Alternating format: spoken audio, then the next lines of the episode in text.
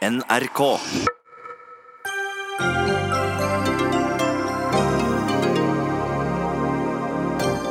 Bloggerboikott mot nettbutikker pga. eierens politiske meninger. Det er nedrig og det er feigt, mener redaktør. Bør Greta Thunberg beskyttes mot seg selv, spør VGs Anders Giæver. En bekymring som Dagbladets Maria Simonsen sammenligner med høyreekstremister som er opptatt av likestilling i islam. Knusende kjennelse mot statsminister Boris Johnson. Permitteringen av parlamentet var ulovlig, sier britisk høyesterett. Og hvorfor skal ansatte i Forsvaret kunne gå av med pensjon før andre arbeidstakere? Nå vil samfunnsøkonomer ved Forsvarets forskningsinstitutt endre pensjonsalderen for forsvarsansatte.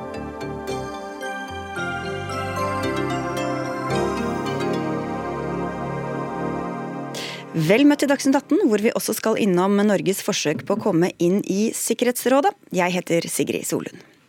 Er du en av dem som bestiller sjampo på blivakker.no eller hagemøbler hos netthandelen? Nå oppfordrer flere bloggere til boikott av disse nettbutikkene, fordi de eies av gründer og næringslivsleder Einar Øgrei Bransdal. Bakgrunnen er at Bransdal har uttalt at han er svært kritisk til fosterreduksjon, eller såkalt tvillingabort, og viser til at han selv er tvillingpappa. Han var også med på å starte Facebook-siden Sørlandsnyhetene. Ifølge mange så sikret denne gruppa Demokratene og Vidar Kleppe flere plasser i bystyret i Kristiansand, selv om Bransdal selv støttet tverrpolitisk liste. Kristina Frås, du er samfunnsdebattant, og du driver også bloggen Livet i kirsebærhagen. Hva er det Bransdal eh, sier og mener som gjør at du støtter denne boikotten? Einar har tent seg styrterik på nettbutikken blivakker.no, er jo en offentlig person som har konservative holdninger til bl.a. dette med, med, selvbestemt abort. Han har brukt av sine penger og sin makt til å støtte det nasjonalistiske og jeg vil si rasistiske politiske partiet Demokratene, som du sier har fått ti plasser i bystyret i Kristiansand. Han sier selv at han støttet, han støttet jo denne tverrpolitiske listen, da, men det er, det er denne Sørlandsnyhetene som han nå har solgt seg ut av, men som kan ha bidratt til at eh, de kom til Som allikevel har bidratt til nettopp det. Ok, men han, Vi har vært i kontakt med han, han ønsker ikke å stille. Men til dette med fosterreduksjon, som du, som du også er opptatt av. Det er jo mange som er imot det. Hvorfor er det god nok grunn til å boikotte disse nettsidene, mener du?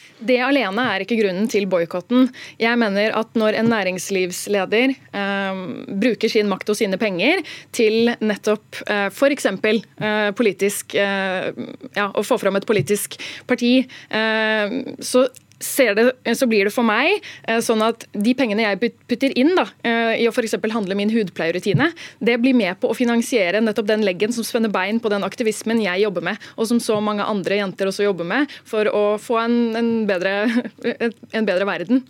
Okay, Det er andre som, som reagerer på dette, andre deg, da, redaktør i Dagen Vebjørn Selbert. Du kaller denne aksjonen nedrig og feigt, men hva er det som er så nedrig ved å bruke forbrukermakten sin til å bare la være å handle et sted?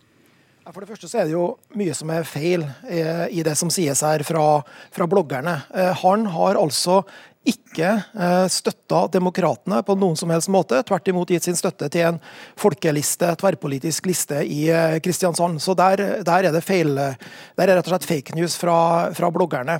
Og så er det klart at eh, det som er spesielt med denne typen boikott, er at det er jo ikke vanlig bruk av forbrukermakt. Dette handler jo ikke om å boikotte et, et, selskap fordi det snauhugger Amazonas, eller boikotte produkter fordi at de inneholder planteolje olje. Det er ingenting, med, det er ingenting med produktet eller selskapet som man reagerer på her. Det er kun de politiske holdningene til eh, Bransdal.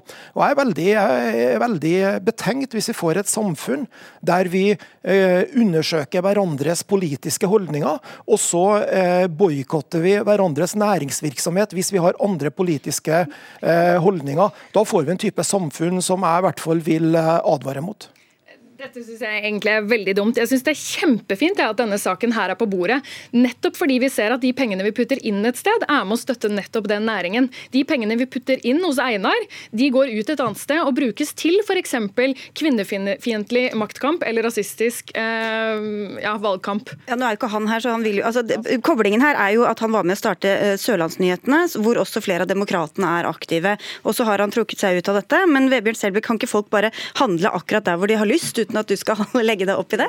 Folk må uh, handle akkurat uh, der de vil. Og så må vi få lov å bruke ytringsfriheten, vi andre også, til å si hva vi mener om den typen uh, boikottaksjoner. Og det er jo sånn at uh, Man snakker om kvinnefiendtlighet og alt mulig her, så er det jo sånn at dette vedtaket og Bransdals holdning til tvillingabort er jo den samme holdningen som samtlige fire regjeringspartier har stemt i tråd med tidligere år, da man innskrenka retten til selvbestemt eh, tvillingabort eller eh, fosterreaksjon. Så det er ikke akkurat noe ekstremt høyreradikalt syn, dette her. Og Sørlandsnyhetene, nå skal man være klar, da må man gå litt inn i saken og undersøke her, og det tror jeg ikke disse bloggerne har gjort. Dette er ikke noe Resett eller, eller en innvandringskritisk side. Dette handler, Sørlandsnyhetene er en Facebook-side som handler om politiske spørsmål på Sørlandet. Bl.a. denne uh, kunstsiloen, som har skapt veldig stor uh, brudulje der nede. Og man har også vært kritisk til den maktkonsentrasjonen som har vært på noen få, noen få politiske parti gjennom uh, helt siden andre verdenskrig der nede. Det er det dette her handler om. Eh, Sørlandsnyhetene er også en stor grunn til at nettopp Demokratene har fått flere plasser i bystyret. Eh, og På den måten så ser man at vi som forbrukere eh, må være mer betenkte på hvor vi putter pengene våre. Jeg ser det selv. At jeg har lyst til ikke bare det at vi skal boikotte, det skal vi. Jeg tenker Det er kjempefint at vi boikotter, men det er ikke det vi skal ha fokus på. Vi skal ha fokus på hvor vi ønsker å støtte.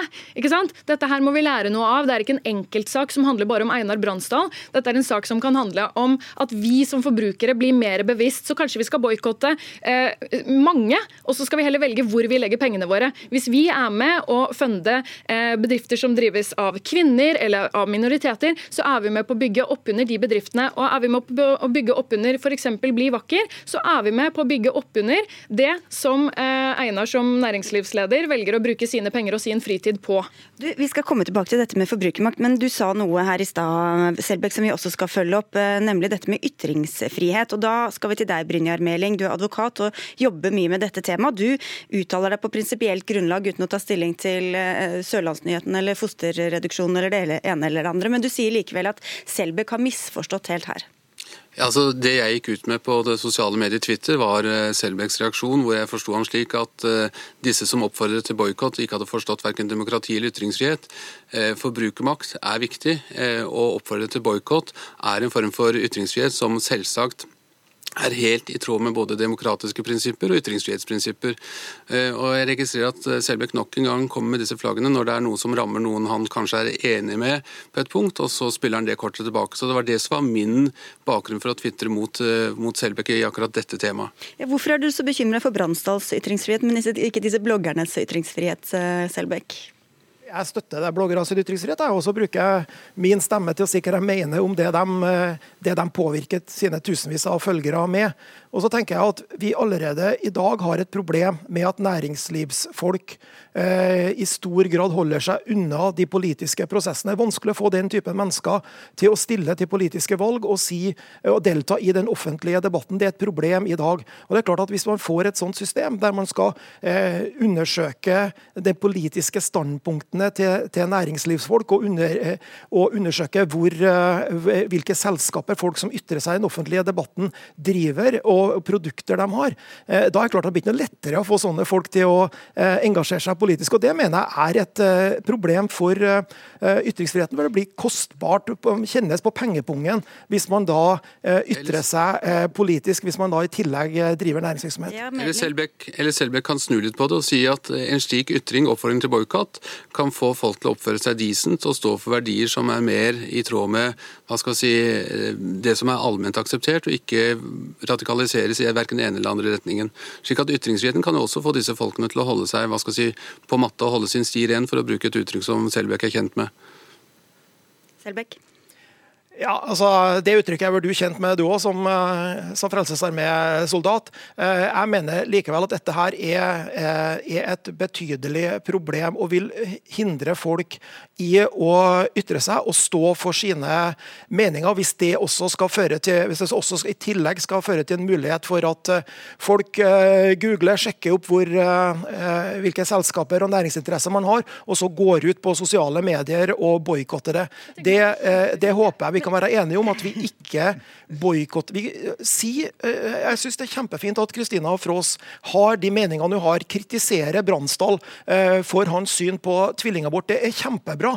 Men ikke ikke eh, oppfordre til å boikotte hans eh, næringsvirksomhet. Da blir, da blir, dette et helt umulig eh, offentlig ordskifte. Hvis det for, hvis det for Bransdal også skal bety millioner i tapte inntekter. Og Hva gjør det med andre næringslivslederes vilje til å i det hele tatt ville ytre seg offentlig for oss? Jeg, jeg mener det at I denne situasjonen så har egentlig ikke jeg gått ut og sagt boikott, bli vakker. Jeg har gått ut og sagt her må vi lære, her må vi se på hvordan vi skal bruke pengene våre. Jeg tror veldig mange av av eh, meg og mine sitter og skulle ønske at vi hadde alle pengene som Einar Bransdal har, og kunne investere de i selskaper og gründerbedrifter som gjør verden til et bedre sted å være. Men det har vi ikke. Men vi har de pengene vi bruker hver eneste dag, og det vi kan lære av denne situasjonen, at vi bruker de pengene steder som er med på å gjøre verden til et bedre sted hver eneste dag. Og det gjør vi ikke hvis vi putter penger inn i et selskap hvor pengene går videre og brukes på en dårlig måte. Du, Da ga du en fin overgang til deg, Tor Andreassen. Alle som følger med på TV lurer kanskje på hvem det er som sitter ved siden av Vebjørn Selbekk, og det er deg. Du er altså professor i markedsføring ved Norges handelshøyskole. Fra et faglig ståsted, hvordan vurderer du den aksjonen? Jeg er litt enig med melding her. altså at Det er et eh, forbrukervåpen vi ser tatt i bruk. Hvor vi da ser at konsumenter som da er uenige med et standpunkt eller enige med noen eh, atferder, bruker da sin makt, som er da økonomisk, å si at eh, vel, da viser jeg at jeg ikke vil ha noe med den personen å gjøre. da. Jeg kan enten skrive i aviser, eller jeg kan da gå på radio og mene noe, eller jeg kan da vise det via da lommeboken min. Og dette er et Forbrukermakt det er et fantastisk sterkt virkemiddel, som da også Meling sier, at det fungerer som et filter for da politikere, for næringslivsledere, eller for professorer for den saks skyld. At man da får en kontant tilbakemelding på at eh, det du der sa, er ikke helt sånn innafor, og dermed kan du få en reaksjon. Enten da verbalt, eller hvis du driver en økonomisk virksomhet, du får altså da en fall i omsetningen din og lønnsomheten din. Og det er akkurat det vi da her ser. Og Vi har masse eksempler på at eh, næringslivsledere har fått seg virkelig eh, et motstykke i form av kundeboikott når de har gjort noe veldig veldig dumt. La meg gi et eksempel. Eh, Starbucks i England, helt legitimt innenfor lover, regler, og jussen alt sammen, betalte minimalt med skatt til England. Så rapporterer media dette, og forbrukerne får, får nyss i det. Og dermed boikotter i en periode hele Starbucks, og omsetningen stuper. Og det er panikk i ledelsen. De da kryper til Downing Street Team med en pose penger og betaler skatt gladelig. Da har de fått tilbake igjen altså en form for norm eh, på atferden, som er der innenfor samfunnsnormen. Altså da. Det er masse sånne eksempler, så vi må opprettholde dette. Dette er gode ting. Men du, til slutt her, Andreasen, Kan vi nødvendigvis ta for gitt at folk har satt seg godt nok inn i materie og skjønner situasjonen og, og til, til å ta veldig velinformerte og veloverveide valg i enhver situasjon? Det er en veldig god kommentar. Eh, for det de har her da, Når de har disse her sosiale mediene eh, til disposisjon, så er det nesten som et atomvåpenarsenal i hendene på dem. Så de virkelig kan da, hvis det feiler antakelser og feiler da en, en flokkmentalitet, så kan de virkelig ta livet av mennesker som ikke burde vært, eller omsetning eller virksomheter som de ikke burde vært gjort. Og vi har masse eksempler på det i media også, hvor man har hatt en flokkmentalitet, og alle har løpt etter én person ut fra gitt, så viser det å være feil i etterkant. Så det er en veldig god kommentar om at det skal være da konsument, vær oppmerksom, vær ansvarlig. Det var ment som et spørsmål, men vi får ta det som en kommentar. Og vil jeg bare nevne igjen at Vi har selvfølgelig invitert Einar Bransdal, han ville ikke være med. Men tusen takk til dere som, som var med. Til deg, Kristine Frås, og til Vebjørn Selbekk i dagen. Tor Andreassen fra NHH, og til advokat Brynjar Meling. Dagsnytt 18 alle hverdager klokka 18.00 på NRK P2 og NRK2.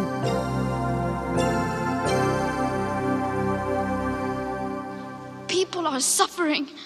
People are dying. Entire ecosystems are collapsing. We are in the beginning of a mass extinction, and all you can talk about is money and fairy tales of eternal economic growth. How dare you! En ikonisk tale, mener noen, men den fikk også USAs president til å tvitre sarkastisk om avsenderen, som var den unge svenske klimaaktivisten Greta Thunberg. Under FNs ekstraordinære klimatoppmøte i New York i går viste Thunberg både sinne og fortvilelse da hun anklaget verdens ledere for å ha stjålet drømmene og barndommen hennes. Og en del har også ytret bekymring for hvordan 16-åringen har det, deriblant du, Anders Giæver, kommentator i VG. Du skrev på Facebook at du håper at Thunberg bare blir revet med av sine egne store ord, og at dette begynner å tendere mot punktet i Vær varsom-plakaten, som handler om å vise særlig hensyn overfor personer som ikke kan ventes å være klar over virkningen av sine uttalelser. Hva var det du ville peke på? Det var en spontan reaksjon. Jeg hadde sett akkurat det klippet som dere kjørte nå, og litt mer, hvor, hvor, hun altså snakker om at hun har, er fratatt sin barndom og fratatt sine eh, drømmer, og hun gråter og, og ser utslitt ut og vettskremt ut. Og hun er en 16 år gammel jente, og jeg er bekymra for at hun er pålagt en altfor stor oppgave å liksom skulle bære menneskehetens synder og, og, og, traumer, mens liksom da voksne folk står rundt og klapper og kjører henne foran seg. Det var jo veldig mange som reagerte på, på det du skrev på Mye positive. Mye positive mye, ja, det jeg sa er verken positivt eller negativt, men du fikk i hvert fall mange kommentarer. Bl.a. blant annet fra deg, kommentator i Dagbladet, Marie Simonsen. Simonsen. Hvorfor er det nødvendigvis ille, eller hva er det som er så ille med å skrive sånn som, sånn som Anders Giæver skrev? Dette er jo en eh, kritikk som har vært mot, eh, mot, Greta Thunberg og familien hennes i lengre tid. Og den kommer særlig fra er kjent fra familie, eh, altså klimafornektere. Og vi har jo sett Carl I. Hagen har vært ute, Trump har vært ute. ikke sant? Og Derfor så må jeg innrømme at jeg stusset litt og, og gikk til tastaturet fordi at det nettopp var Anders Giæver som skrev det, da, som jeg syntes var interessant at han skrev det. Og Det som ligger litt i denne kritikken, er jo at hun er en 16 år gammel jente som Hun er bare et barn, hun må beskyttes mot seg selv, hun vet ikke hva hun snakker om. Men Greta Thunberg er jo nettopp en som vet hva hun snakker om. Hvis man hører litt uh, Hvis man ikke driver og psykologiserer henne så veldig, så, og hører på hva hun faktisk sier, så er det uhyre rasjonelt og uhyre faktabasert. Og hun sier jo ikke noe mer enn akkurat det som er kommet frem i FNs klimapanel, og som, uh, som uh, man baserer klimapolitikken på rundt omkring. Vi skal komme litt tilbake til innholdet i dette, men Giæver sier han viser omsorg omsorg og bekymring, og så skriver du Omsorg sa jeg vel ikke, men Nei, det var min tolkning av det, da. Eller bekymring, da. Eh, så skriver du da å være bekymret for Greta Thunberg er vel omtrent som når høyreekstremister er opptatt av likestilling i islam. Hvor saklig var den sammenligningen? Det var vel ikke helt saklig uh, fullstendig, men, uh, men, det jeg mente var jeg ville vil her og nå si som man ofte sier, at jeg beklager hvis Anders har følt seg truffet av det. Det var mer generelt det, det var, Jeg ville ikke brukt de ordene, men, men, det jeg mener er at generelt denne kritikken kommer, som jeg sier, veldig ofte fra klimafornektere, og det har jeg overhodet ingen mistanke om at Anders Giæver er. Men da tenker jeg at deres omsorg for Greta eh, Thunberg er litt eh, krokodilletårer. Og det er det samme som du merker når høyrepopulister er veldig bekymret for likestillingen i islam. Da tror jeg ikke så veldig på det heller. Nei, altså, øh, Jeg er for så vidt glad for at, at Marie trekker tilbake dette med at det var høyreekstrem, men, men, øh, for det er jeg ikke. Men øh, og, og bare for ordens skyld. Blir, men jeg syns det er litt galt at jeg da liksom må bekjenne at nei, jeg tror på menneskeskapte klimaforandringer. Jeg er bekymra for meg. Jeg har studiepermisjon og går og lærer om hvordan klimaforandringene påvirker vår sikkerhet. Jeg tar dette på, på aller høyeste alvor. Men jeg er bekymra for altså beskyttelse mot seg selv. Ja, barn skal beskyttes mot seg selv av og til. Og, og jeg syns det er blitt noe øh, nesten øh, det er noe, noe, morbid over den måten eh, man kjører frem eh, unge Greta Thunberg. Og du, du ser på det klippet at hun er utslitt. og hun eh, og hun gråter, og hun sier at hun har fratatt barndommen sin og drømmene sine. Det er alvorlig når barn sier det. Eh, det skal man ta på alvor, med mindre man tror at dette er som jeg da hører noen si, ja, men det er, er, det er retorikk og, eh, og, sånne ting. Men da mener jeg at man umyndiggjør henne til en sånn skuespiller som bare kommer og presser fram tårer når det trengs. Nei, altså, Jeg, jeg syns jo at dette klippet kan tolkes på flere måter, og det er derfor man skal være litt forsiktig med å fjerndiagnostisere eller fjernpsykologisere eh, Greta Thunberg. Eh, eh, det kan like gjerne være at vi er så uvant med Vi er så vant til disse glatte politikerne som legger frem veldig alvorlige scenarioer for kloden fremover, og så uten at det ser ut som det går inn på dem i det hele tatt. Og så plutselig har vi en som er harmdirrende engasjert, og som er preget også av å være på en så stor scene og alvoret i situasjonen at hun dirrer litt i stemmen og får, eh, får en tåre i øyet. Det syns jeg ikke er noe rart å gjøre. Jeg oppfordrer de fleste til å se hele talen. For eh, den innledningen var ganske riktig, ganske emosjonell og sterk, men resten av talen er jo veldig faktabasert og rasjonell. Men hvis du sier at de voksne skal gripe inn på et eller annet vis, eh, Anders Egever, hva antyder du da både om hennes eventuelt mentale helse og hennes families evne til å ta vare på henne? og passe Jeg mener henne? alle barn som sier at jeg er blitt fratatt min barndom og, og fratatt mine drømmer og gråter, trenger omsorg. Det er, eh, det er, ikke, det er ikke noe diagnose uh, på noen som helst måte. Jeg snakker litt som far selv òg. Altså, Marie og jeg vokste opp i tider hvor atombomben var den store trusselen. Og den var en like reell trussel, og det har vist seg i ettertid at den kanskje var enda mer reell enn enn det vi trodde. Jeg er veldig glad Hva? Døkkeren kommer, ja. Men jeg er veldig glad for at, vi, at, vi, at foreldrene mine til en viss grad uh, vernet meg mot det alvoret, og alvoret kommer tidsnok inn, eh, inn i livet. Du nevnte Simonsen om innholdet i talen. Bård Land, du er forsker ved CICERO og Senter for klimaforskning, og du følger godt med på disse klimaforhandlingene, og du fulgte med på det som skjedde i New York i går. Bare helt til det saklige innholdet, hvor treffende er det som Greta Thunberg sier? Ja, Når hun refererer til uh, um, hvor mye vi på en måte kan tillate oss å slippe ut før vi må regne med at temperaturen stiger med mer enn 1,5 grad, som er den grensen man har blitt enige om å prøve å strekke seg mot i Parisavtalen, så baserer hun seg på det som er den allment aksepterte vitenskapen, og er veldig nøyaktig med hvordan hun, uh, hvordan hun gjengir den uh, i og for seg. Hun sier det at vi har bare en, en veldig begrensa mengde med utslipp igjen, før vi må regne med at temperaturen stiger da med mer enn en halvannen grad. og Hvis vi fortsetter som i, i dag, så, så, risikerer man at, at, dette utslippsbudsjettet er brukt opp i løpet av en, av en 10-11 års tid. Altså, du du syns ikke det er rart at hun viser sinne i dette klippet heller? Nei, altså du kan si at uh, hvordan man skal reagere på det ganske dramatiske budskapet som ikke først og fremst hun framfører, men som ligger i, i de rapportene og den, den, vitenskapelige kunnskapen som hun baserer seg på. Det er vel ingen som helt vet hvordan vi bør møte uh, den kunnskapen, uh, og hva som er på en måte den mest rasjonelle måten å, å forholde seg til, til, det på. Det er flere som er ute i dag også, Hedvig Montgomery, psykolog blant andre, og sier at det er de voksnes problemer, det er de voksne som må løse det. Det er du også inne på, Anders Giæver. Men hva skal barn og unge, unge gjøre når de ser at de voksne ikke løser disse problemene, da? Nei, men det, jo, det, har jo vært et kjempeengasjement eh, blant de unge, som da hun har ansporet, ansporet til. og du har hatt, Jeg tror sønnen har vært i tre klimastreiker, mulig han droppa den siste. Eh, så det er jo det er et voldsomt engasjement der ute. Og det er jo ikke sånn altså, eh, Nå var jeg i en annen debatt her hvor man, hvor man nærmest framstilte som Greta Thunberg er dette barnet som kommer inn og sier at keiseren har ikke klær og, ingen har innsett disse problemene tidligere. Det er mulig innvandring og bompenger, men ellers så tror jeg klima er nummer tre på rekken over de tingene vi virkelig snakker om. Og det er ikke sånn at det ikke opplyses om, uh, om farene ved det. Og ja, det er en tafatthet i, i, deler av politikken, men vi har også et valgresultat bak oss som tyder på at folk er uh, opptatt av klima. Og som, ikke, og som ikke var upåvirket av nettopp disse klimastreikene og, og klimabrølet. Og jeg syns jo det som har skjedd, den endringen i den offentlige diskusjonen om klimakrisen, den er i stor grad påvirket av de unges engasjement. Og det er ikke bare Grete Thunberg, det fins mange som ennå over hele verden som leder an. Men så er det noe med hvordan, fordi dette er jo, Greta Thunberg er jo noen som virkelig setter sinne i, i kok. Både på begeistringens side og de som blir sinna. Og uh, i denne nevnte Facebook-oppdateringen og tråden til Anders Giæver, så bruker han ord som uh, martyr, eller det sa du i hvert fall til, til vårt land, og, og, og barnekorstog. Uh, hva syns du om en sånn ordbruk? Det er en helt tillegger av. Barnekorstog er jeg selvfølgelig veldig for, Anders.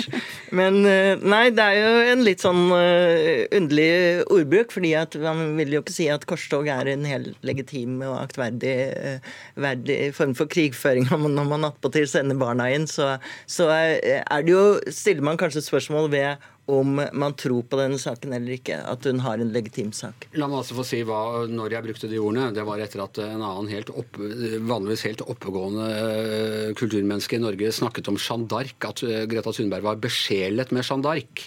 Det syns jeg blir i overkant å snakke om. og Vi husker jo åssen det gikk med Jeanne d'Arc, og jeg håper at det ikke går det samme med Greta Thunberg. Men det er grunn til å være bekymret, tenker jeg, for hva skal skje med Greta Thunberg når, når kameraene slukner og oppmerksomheten blir borte. og i det hele tatt. Dette vet vi at mange barnestjerner fra, fra andre steder har fått problemer med, og det er vel grunn til å bekymre seg for her. Blir ikke du bekymra for det, eh, Marie Simonsen? Jeg håper og tror at hun blir godt ivaretatt. Og hun virker som en veldig kompetent person. Og vi har, vi har gitt fredsprisen til, til, en som var like gammel, som reiser verden rundt med sitt budskap. Vi, vi, mm. Og vi, vi stoler jo på at 16-åringer er i stand til å bli eh, hørt og skaffe seg kunnskap og kompetanse, og også til å sette grenser til en Og så sier du Anders Giæver, at barn som er redde, de trenger trøst og de trenger omsorg. Men hva kan voksne si til en som har satt seg godt inn i forskningen, sånn som Greta Thunberg har gjort,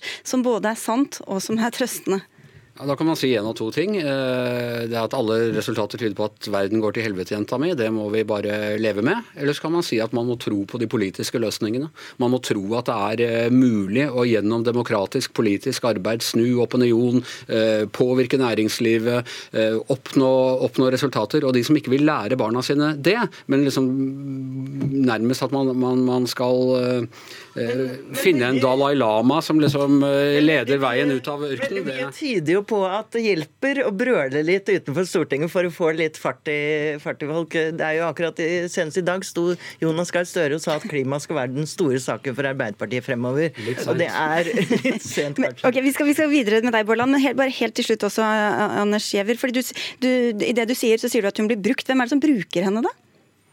Det er den eh, politisk korrekte klimalobbyen som er styrt av George Soros. Nei, det, er, eh, det er jo apparatet rundt henne, og, det, og de som, eh, som syns at det er helt greit å se en gråtende jente Apparatet, hvem er det, da? Ja, altså, jeg kjenner ikke apparatet rundt henne, men hun kommer ikke alene til New York. Hun kommer med båt, og det er mye sponsorer og, og greier. Det er et åpenbart et sånn barnestjerneapparat rundt henne, og det er folk som bruker henne politisk også soler seg i glansen av henne og som uh, hun prøver å høste politisk gevinst. Hun kan ikke være så naiv at vi tror at hun liksom bare kommer av seg selv fra, fra Sinai-fjellet. Liksom. Som en annen Jeg syns Greta Thunberg er en fantastisk tapper uh, kriger som, uh, som vi må bøye oss i støv for og selvfølgelig skal være kritisk til det også, men at vi først og fremst skal hylle henne for å ha gjort den jobben hun gjør. Men så spørs det da, det var ikke bare Greta Thunberg som snakket til verdens ledere i, New York i går. Det samme gjorde flere andre statsledere, deriblant vår egen Erna Solberg.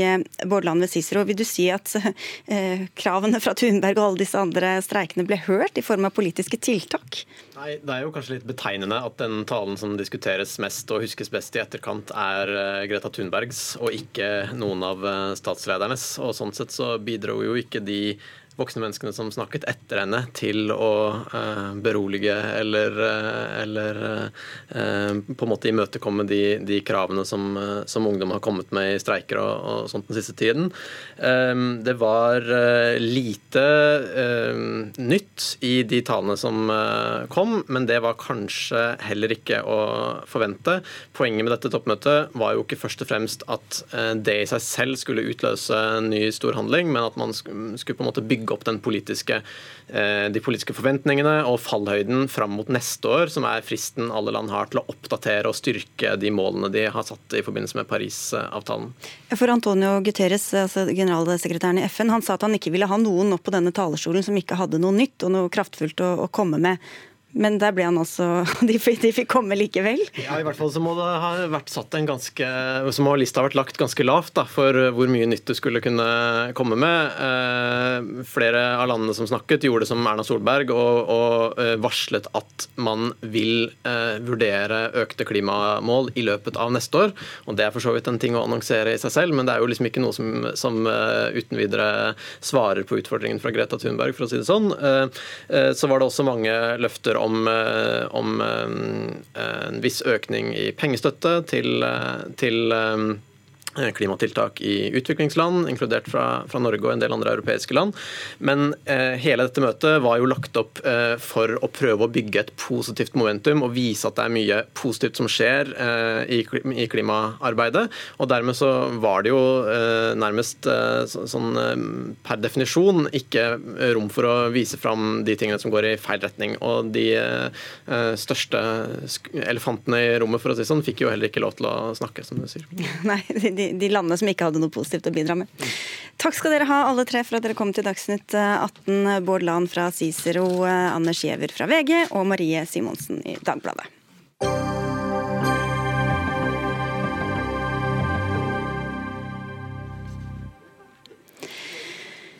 Snart i Dagsnytt 18 skal vi diskutere pensjonsalder for ansatte i Forsvaret, men før det til en av de virkelig store nyhetssakene i dag. De har hatt pause siden slutten av august, men i morgen er partilederne og de andre representantene i det britiske parlamentet i sving igjen.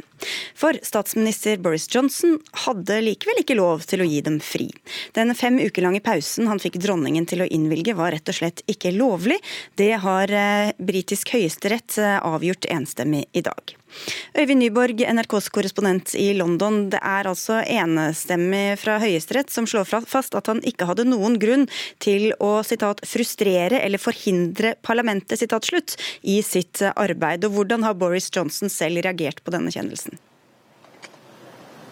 Han eh, mener jo at dette er eh, tullball. Det var aldri hans eh, mening å skulle da suspendere parlamentet for å da hindre parlamentet i å gjøre sin jobb. Men han er jo da nødt for å ta det til etterretning når han nå har tapt på alle punkter. Men Han sier at det ikke var hans mening, men hva var, måte, hva var det denne manøveren egentlig inneholdt?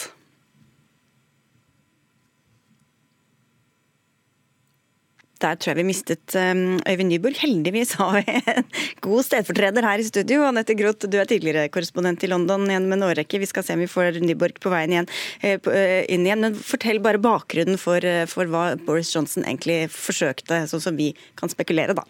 Ja, Det, det Høyesterett sier, er jo at han forsøkte rett og slett å forhindre parlamentet fra å jobbe bl.a. med den loven som skal si at nei, går, vi går ikke ut uten en avtale. Forhindret parlamentets eh, arbeid. Det, det er eh, ut av, ut av, EU, ikke sant? det er det vi snakker om? Ja, ut av EU. Det er brexit vi snakker om. du har brexit i hele kroppen, så du glemmer å nevne det. Men eh, det er klart at jeg må si den dommen i dag, den er så knusende. Altså, han er så sterkt svekket.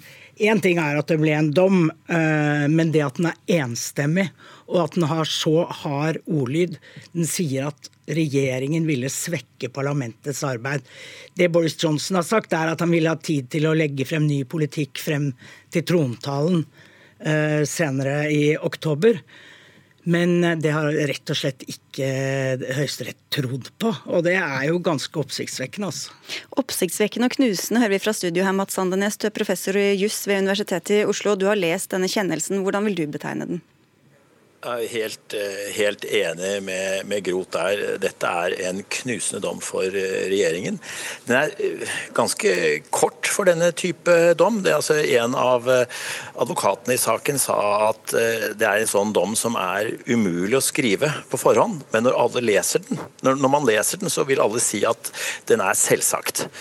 Og, og det er en sånn dom, altså. Den er veldig klar, veldig autoritativ. og politisk vanskelig for, eh, for statsministeren altså Eirik Bjørge, som er eh, en nordmann, men som er professor i, på universitetet i Bristol i Storbritannia. Han er sitert i The Guardian i dag, og han sier da at eh, Det må ha kommet på for et par minutter siden, tror jeg. Der står det at domstolen har vist at i ekstreme, under ekstreme forhold så er domstolen ikke redd for å eh, police the executive, altså å gå inn og overprøve regjeringen, selv om det er det som man tidligere kalte eh, forbudt område for dommere og domstoler, hvor det var high policy og det kongelige prerogativet som var involvert. Eh, og eh, De siterer jo da f.eks. dokumenter som eh, statsministeren har skrevet på om denne prorogement, dette å sende parlamentet på ferie utenfor den normale ferietiden. Og Der, der sier da f.eks. statsministeren at denne sesjonen, dette, denne septembersesjonen for parlamentet er rigmarole. Det er et, et, et helvete som, som, bare ikke tjener til noe annet enn å lage problemer for regjeringen. For øvrig, det er interessant å merke seg at denne type dokumenter som er fremlagt i, for Høyesterett i Storbritannia, vil vi ikke få fremlagt i Norge. For i Norge så har regjeringsadvokaten fått til at denne type dokumenter skal holdes fortrolig. Mm.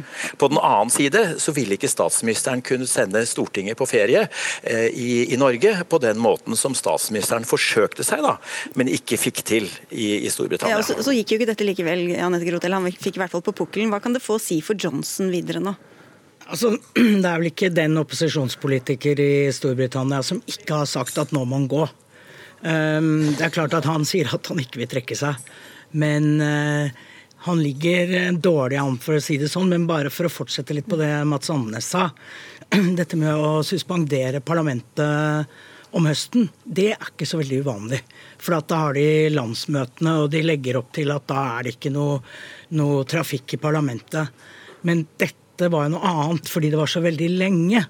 Og fordi også pga. timingen i forbindelse med brexit-datoen.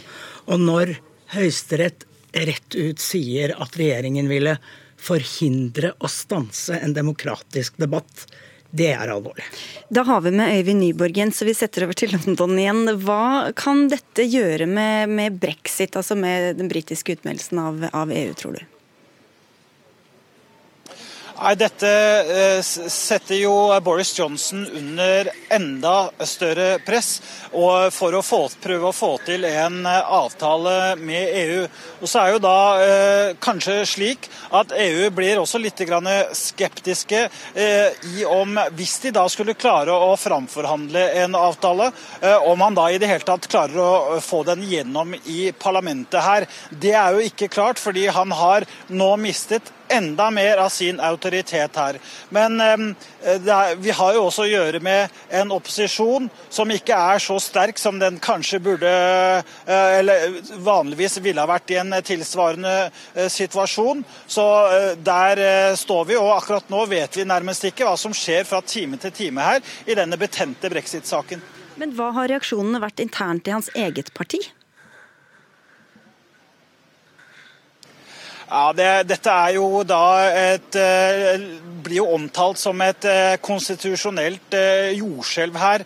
Og det er jo mange som er opprørt over at domstolene ifølge dem da har blandet seg inn i det som egentlig er en politisk prosess. Så det er mange som er forbannet på domstolene i dag. Og dette er jo en alvorlig smekk for da regjeringens prosjekt en regjering som har vaklet helt fra starten for bare få uker siden. Mats Andenes, hva slags juridisk handlingsrom har Boris Johnson nå? Ehm, det er da slik at han skal nå ikke gjøre noe som helst eh, før parlamentet trer sammen igjen. Dommen sier helt klart at det er for eh, presidenten, eh, spikeren i eh, Underhuset, Berkow, eh, som vi jo alle kjenner til, order, order. Han skal da innkalle Underhuset, og så skal spikeren i Overhuset eh, innkalle Overhuset. Så det skjer nå automatisk. Denne, dette regjeringsvedtaket om at Stortinget skulle, parlamentet skulle dra på ferie, det er ugyldig, så det gjelder overhodet ikke. Men det som er spørsmålet nå, er naturligvis vil han prøve seg igjen? Og dette med å sende Stortinget på ferie slik at de ikke får behandlet viktige saker. Og, og, og Her sier jo da domstolen at uh, dette har med folkesuvereniteten å gjøre. Altså Parlamentet er uttrykket for uh, folkeviljen i demokratiet. Representerer folket og skal føre kontroll med regjeringen. Du kan ikke sette dem ut av stand til å føre kontroll med en så viktig sak som dette, nemlig det å, å gå ut av, av EU. Men altså, han kommer til å prøve seg igjen, men ved at domstolen har kommet på banen her, så innebærer det at det blir veldig trange, eh, veldig små marginer. Han, han har nok mye færre muligheter til å forhindre at parlamentet griper inn. For da parlamentets flertall vil jo ikke at de skal gå ut av EU uten noen avtale med EU. Da skal vi slippe til Anette Groth i studio her til oppsiktsvekkende om han prøver seg igjen, det må jeg virkelig si, etter den eh, knusende dommen. Men når det er sagt, så nevnte Andenes her John Burke og ordstyreren i parlamentet. Han har allerede kalt inn Underhuset, og de møtes i morgen. Jeg tror tiden er halv ett eller noe sånt i morgen formiddag. Sånn at, og flere av dem var jo på vei i dag omtrent rett etter at dommen falt. De bare fløy av gårde og inn i parlamentet. sånn at de kommer til å være tilbake, og hva som da skjer er kjempespennende. For nå er det jo så mange baller oppe i lufta. Kommer, et, kommer han til å trekke seg? Det tror jeg ikke. Kommer han til å få et mistillitsforslag mot seg, og blir det da nyvalg? Og hvis det blir nyvalg og Labour vinner, blir det da ny folkeavstemning? Her er det mye å følge med på, og det er veldig spennende, selv om jeg syns det er litt trist at det skjer på denne måten. Trist, men spennende. Og vi kan ikke legge, med, legge ned Dagsnytt 18 med det første, høres det som. Takk skal dere ha alle sammen for at dere var med. Mats Andenes, Anette Groth og Øyvind Nyborg.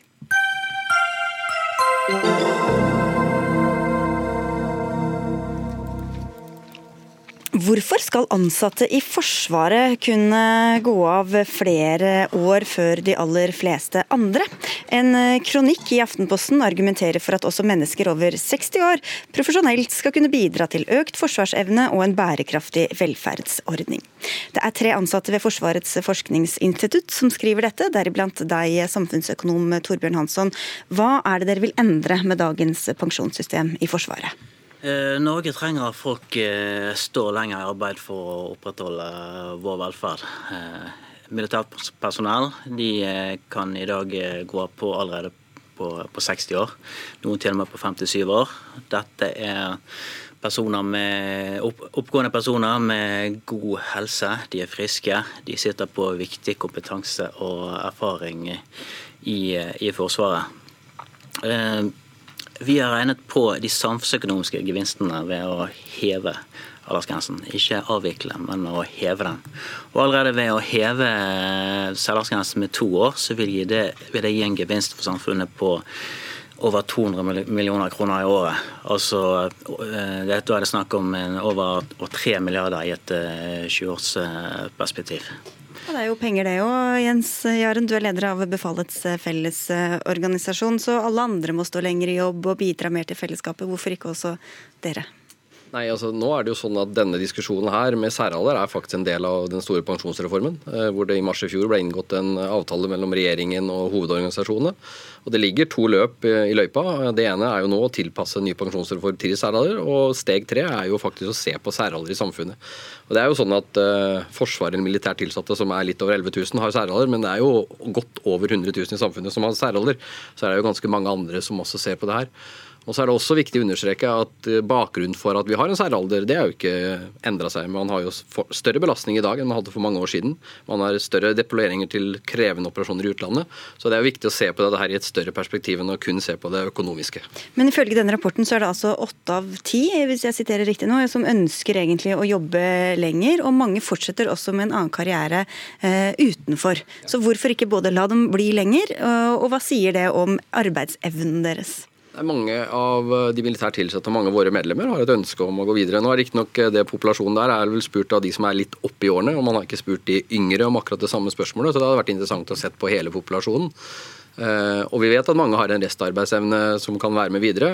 Og det er jo like mye organisasjonen, og særlig da Forsvarsdepartementet og Forsvaret, som har et fortsatt behov og et ønske om å ha en særaldersgrense, kanskje i like stor grad som individet. Hvorfor begynte dere å se på disse pensjonsordningene, Hansson? Vi fikk et oppdrag fra Forsvarsdepartementet som, de, som hadde utredet behovet for en, en fortsatt særlandsgrense. Og de kom fram til at det fortsatt eksisterer et behov for at noe personell fratrer etter en, en gitt alder. Og Det ga dem et handlingsrom til å se på alternative løsninger for å, de faktisk kunne øke særaldersgrensen. Men Betyr det at det er for mange som er omfattet av denne særaldersgrensen? Eh, ja, i, eh, man har for, for, å opprettholde selv, eller Man kan opprettholde operativ evne og likevel øke, øke aldersgrensen. For da kan man også få en bedre utnyttelse av, denne, av den kompetansen, kompetansen de eldre, det eldre personellet i Eller de, de, som er 59 år og eldre i Forsvaret sitter på i dag. Mm. Nå står jo Forsvaret overfor en eldrebølge som resten av samfunnet også gjør. Det er veldig mye viktig kompetanse som, som fortsetter framover. Og, denne ordningen ble jo, ble, ble jo, innført for mange mange år siden, så hvorfor er den fortsatt relevant i dagens situasjon? Nei, altså, Som jeg sier, da, så har man de siste 15 årene faktisk gjort store endringer i forsvarslovverket som gjør at man kan bl.a. disponeres til eh, operasjoner i utlandet. Vi ser jo det at veldig mange militært tilsatte jobber mer enn et totalt årsverk. Eh, det er høy belastning. I tillegg så har jo også Forsvarsdepartementet gjennom lovbestemmelse innført en aldersgrense på 35 år, som vi opplever er mye mer relevant å ta tak i enn den på 60 år. Eh, viktig, Hva mente du med det? Jeg skjønte ikke helt. De har innført en egen aldersgrense for personell som må tre av, eh, tre av 35 år. men da Du kan ikke, ikke være lenger i tjenesten enn 35 år? Nei, ansatt i 35 år. Det er en mer relevant aldersgrense å se nærmere på. Eh, I tillegg så er det sånn at det er jo organisasjonens behov for å ha en balansert aldersstruktur, og Forsvarsdepartementet er jo veldig opptatt av at det i dag er en ubalanse. og Da må man ikke flytte belastningen på en lavere aldersgrense over på individet, men organisasjonen må være villig til å ta den selv. Men vi hører stadig at Forsvaret trenger mer penger, og det krever jo også at liksom, det skal være en skattevilje til dette i befolkningen. Hvordan tror du den er hos uh, hjelpepleiere eller industriarbeidere som kanskje føler at de har vel så tunge arbeidsdager som det de ansatte i Forsvaret har? Nå har nok mange av de i yrkesgruppen du nevner her fortsatt også en særaldersgrense, så de er, de er nok også veldig opptatt av særaldersgrensen. Men det er jo først og fremst ikke skattetrykket og, som går til Forsvarets ansatte, men det er først og fremst å investere i et godt forsvar. Eh, og så er det også sånn at eh, veldig mange av de arbeidsoppgavene i operative avdelinger er faktisk vanskelig å utføre over en viss alder, med bakgrunn i både fysisk og psykisk belastninger. Og det å få en aldersstruktur med altfor mange eh, gamle, det vil være bra. Og det er riktig som Hansen sier, mange av disse sitter med veldig god kompetanse. Men da må det også være vilje på å fylle på mer personell i de operative avdelingene for å sørge for å ha nødvendig kampkraft i et forsvar som skal forsvare Norge. Det som er litt interessant, er jo det at som sagt så står vi nå en eldrebølge. Og med de eh, alternativene vi har utredet for Forsvarsdepartementet, så representerer ikke de nødvendigvis noe eldre gjennomsnittsalder enn den eh, strukturen man, eh, man har i dag. Så jeg, jeg ser ikke for meg at problemene derfor skal bli så veldig, veldig mye større når det gjelder slitasjen på, på, på, på, personell.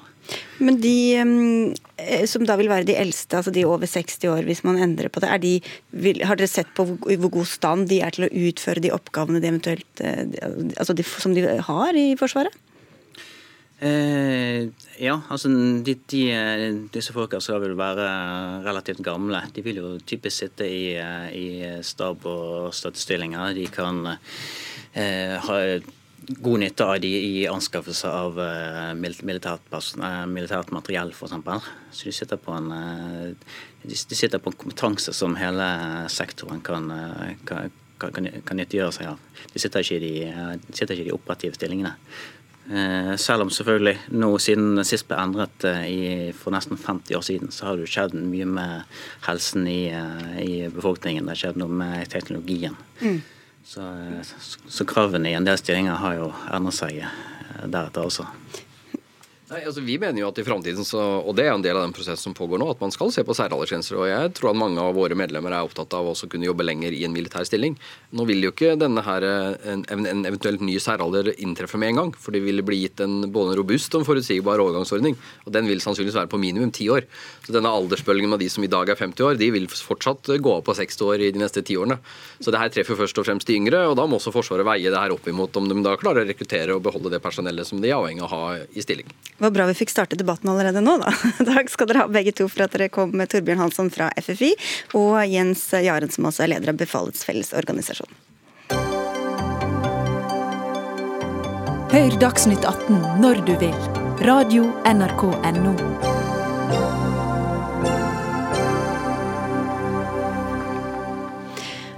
Akkurat nå er det svært hektisk aktivitet i FN-bygningen i New York.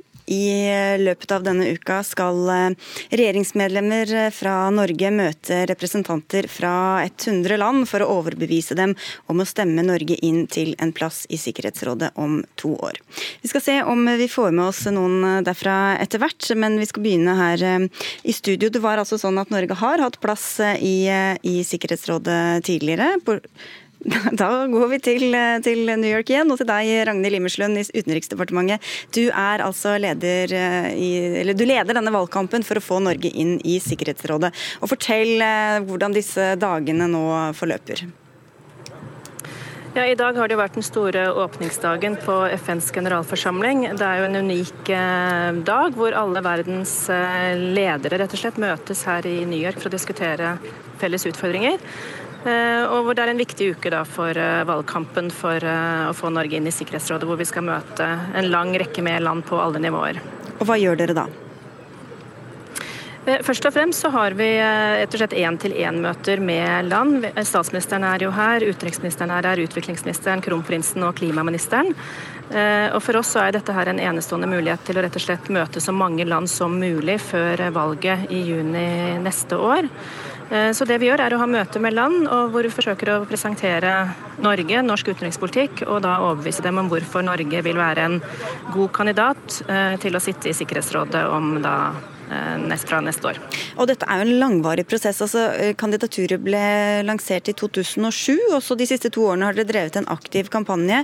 Så langt brukt 23 millioner kroner på arbeidet. Hvorfor er det verdt alle disse pengene og alt dette strevet? Vi mener jo at det, er i norsk, at det er i norsk interesse å sitte i Sikkerhetsrådet. Norge er et lite land som er helt avhengig av forpliktende internasjonalt samarbeid, som er styrt av lover og regler. Og Sikkerhetsrådet er jo da det viktigste organet hvor folkeretten eh, blir håndhevet, eh, og hvor vi kan være med å styrke Eh, folkeretten og styrke de normene eh, og verdiene som vi møysommelig nå har bygget opp gjennom mange år, og som nå står under press. Så det at Norge sitter der, eh, mener vi vil være et godt bidrag både for i global interesse, men også da ikke minst i norsk interesse, for å sikre for at store land ikke tar seg til rette, at det er lover og regler som regulerer internasjonalt samarbeid, og ikke minst at vi bidrar til å løse krig og konflikt, som vi alle er berørt av, selv om de foregår langt unna oss. Og det mener du vi får til selv om det sitter fem store medlemmer med vetorett der. Eh, Sikkerhetsrådet består jo av fem medlemmer med vetorett, men det består også av ti valgte medlemmer. Eh, og de valgte medlemmene eh, er nå veldig bevisst sitt ansvar med å forsøke å få til konstruktive løsninger, særlig i en tid hvor da de fem faste medlemmene ofte står steilt mot hverandre og ikke alltid lykkes med å bli enige. Men da kan man få til ting på det humanitære feltet, man kan få til å løfte kvinners betydning i konfliktløsning og i fredsarbeidet. Og vi kan, Norge kan særlig med vår erfaring fra fred og konfliktorientering bidra til å bygge broer, og med konstruktivt og stille diplomati så mener vi at vi kan få til konstruktive løsninger i samarbeid med andre. Takk skal du ha, Ragnhild Immerslund. Helge Fare, du er professor emeritus ved, i internasjonal historie ved Universitetet i Oslo. Som jeg begynte å nevne, så har vi altså vært inne fire ganger før. Hva om noe har vi fått utrettet? Altså For det første så vet jo ikke jeg Så vet vi ikke om Norge har spilt noen sentral rolle for å få til ting i Sikkerhetsrådet. Det Stort sett så har jo Norge forholdt seg nokså til så godt som mulig enstemmige resolusjoner som er diktert langt på vei av stormaktene. Så om Norge har spilt noen selvstendig rolle, det er vanskelig å si. Det, vi, det vi vet, er at Norge spilte en viktig rolle under Koreakrigen, men primært etter at Norge var ferdig i Sikkerhetsrådet i 51. Det at Hans, var, Hans Engen var budbærer mellom russerne og amerikanerne. og Det var mer personavhengig enn det var posisjonsavhengig. Så spilte vel Norge en ikke ubetydelig rolle antagelig under eh, da Sivert Nilsen var ambassadør tidlig på 60-tallet. Eh, særlig i avkoloniseringsspørsmål og bistandsspørsmål. Og så Ole Jakob Sinding, du er forskningssjef ved Norsk utenrikspolitisk institutt. Um, de senere årene, de senere gangene, har, vi, har det spilt noen rolle at Norge har sittet der i det hele tatt? Jeg tror ikke verden hadde sett annerledes ut hvis det var et annet i den samme gruppen som Norge er i. Eh, hvis noen av de hadde vunnet frem i 2001 og 2002, da vi satt der sist. Norge ledet arbeidet med konflikt mellom Etiopia og Eritrea. Deltok selvfølgelig i tunge diskusjoner om, om Irak. Dette var jo rett før uh, USA invaderte da i 2003. Så jeg er helt enig med, med Faro at det er vanskelig å se at ting ser annerledes ut. Uh, resolusjonene ser dramatisk annerledes ut fordi Norge satt der. Og Det er rett og slett fordi at vi konkurrerer mot likesinnede i den gruppen av land i Vest-Europa. Ja, hvordan er den inndelingen? Ja, den, den, gruppa som Norge er del av, det er Vest-Europa og andre. Så det er da typisk eh, eh Vest-Europa, Australia, New Zealand, USA, Canada osv. Så, videre. så våre, våre nære allierte. Um, Faro, på slutt Ja, du, kom igjen. Nei, nei det, var, det, var, det, jeg skulle, skulle ha sagt ja, i sted, var at uh, nå i dag er det konkurranse om å være med i Sikkerhetsrådet. Da første gang Norge ble forespurt, så ønsket regjeringen ikke å være med i Sikkerhetsrådet for å unngå å bli brakt inn i konflikter mellom stormaktene. Det er et hensyn som åpenbart er forsvunnet helt ut. Ja, Sending, hvorfor, vi ikke, eller hvorfor, hvorfor er ikke det et hensyn vi, vi veier tyngre i dag? Jeg tror at eh, for Norges del eh, Det er jo en sånn viss rotasjonsordning. Det er 20 år siden eh, Norge satt der. Det å ikke søke om å bli et av de valgte medlemmer, er som at en veddeløpshest ikke skal løpe, eller en fugl ikke skal fly. Det, det, er noe som folk i, som jobber i UD, tror jeg syns det, det, er helt naturlig. Um, og så tror jeg de har et poeng faktisk når de sier at Én ting er det som Immerslund nå sa med fred og konfliktløsning, som Norge har en profil på internasjonalt. Ehm, det med folkeretten er viktig, selv om Sikkerhetsrådet egentlig ikke er det primære organet for eh, det å utvikle folkeretten. Men det å sitte i Sikkerhetsrådet det betyr at man får erfaring, nettverk, og telefonen ringer til norske diplomater absolutt hele tiden. Fordi andre land vet at nå sitter Norge der. Så det betyr at man får mer innflytelse også på saker som ikke ikke er på Sikkerhetsrådets agenda. Mm. Og det er viktig. Men jeg var inne på dette med vetorett, og det er jo ofte noe vi hører om um, også, Faro. Så hvor, hvor, handlekraftig har Sikkerhetsrådet vært og er i dag? Altså, Under den kalde krigen så var jo Sikkerhetsrådet handlekraftig hvis, hvis ikke USA og Sovjetunionen var i konflikt med hverandre. Eh, Sikkerhetsrådet var handlekraftig da russerne for en kort stund var utenfor fordi, fordi Kina ikke kom med i FN. Eh, utover det så var det jo nå skal jeg gå tilbake. Norge var jo en tilhenger av at stormaktene skulle ha veto i Sikkerhetsrådet. Fordi løsninger på internasjonale konflikter etter norsk oppfatning ikke kunne finne sted, med mindre det var en minimumsenighet mellom stormaktene. Og Hvis ikke stormaktene hadde veto, så ville de ikke bli med i FN. Altså Sovjetunionen ville ikke vært med, Storbritannia ville antagelig ikke vært med, eller ikke USA, uten dette vetoet. Så Norge så det som en fordel at stormaktene hadde veto, som kunne blokkere for løsning av noen problemer, men det betydde at de kunne være med å løse andre. Hvor, hvor mye hører disse store maktene på et lite land som, som Norge sending? Eh, veldig lite. Eh, men man kan påvirke på marginen.